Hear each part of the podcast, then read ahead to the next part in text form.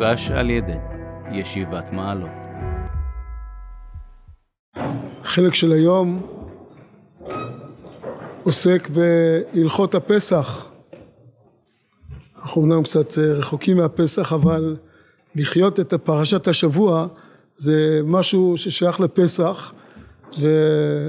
וזה קשור אלינו, לתקופה שלנו.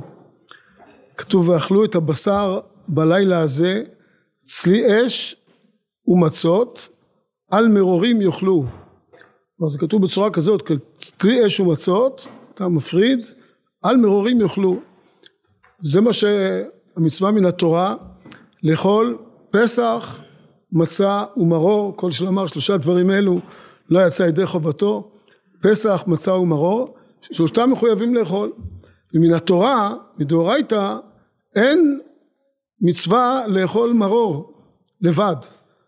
הרמב"ם מביא את זה בצורה מפורשת, הוא כותב יש מצווה לאכול מצות כן, בערב תאכלו מצות, אבל מרור, אין מצווה לאכול מרור, ולא מברכים על מרור כמצווה בפני עצמה מן התורה, אלא רק כשיש פסח ומצה, אוכלים גם יחד את המרור, על, זה מה שכתוב פסח ומצות, על מרורים יאכלו.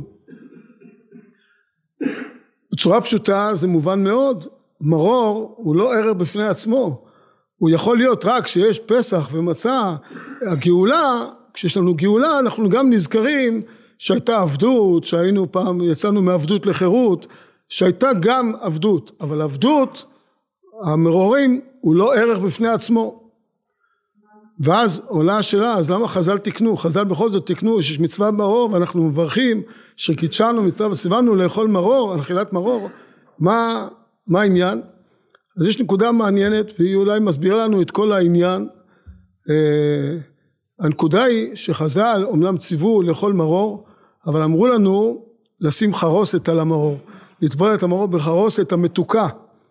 ובהגדה של הרב מוליבר הוא כותב שזה העניין להפוך מרירות למתיקות. שזאת הנקודה של אכילת המרור שחכמים ציוו מן התורה אז באמת המרור הוא בא עם פסח ומצה ואז באמת לא היה צריך חרוסת כי פסח ומצה הם מבטאים את הגאולה והמרור מבטא את העבדות וזה ההפיכת המרירות למתיקות שיצאנו מעבדות לחירות.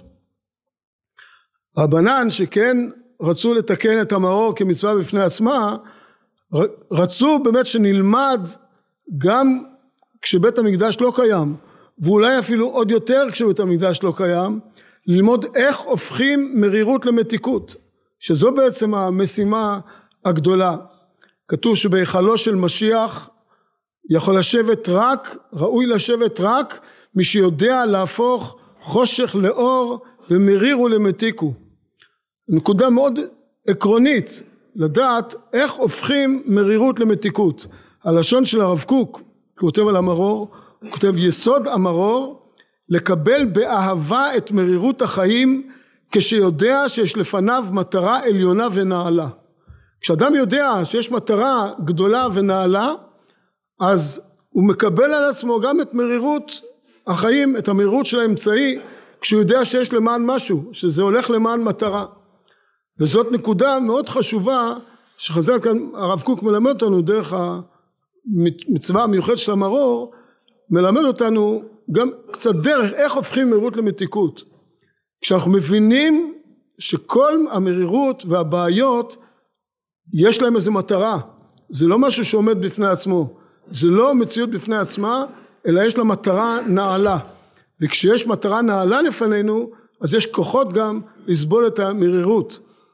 וזאת אולי גם דרך, זאת הדרך שנמצאים תקופה, לפעמים תקופה קשה, מלחמה, זמנים שהם קשים ויש בהחלט תהליכים של מרירות שצריך להרגיש אותם ולחוש ולהשתתף עם אנשים שגם בפועל מרגישים את המרירות אבל לדעת שלכל המציאות הזאת יש מטרה נעלה וזה גוף ההופך את המרירות למתיקות שנזכה בעזרת השם לטעום ממתיקות הגאולה במהרה בימינו.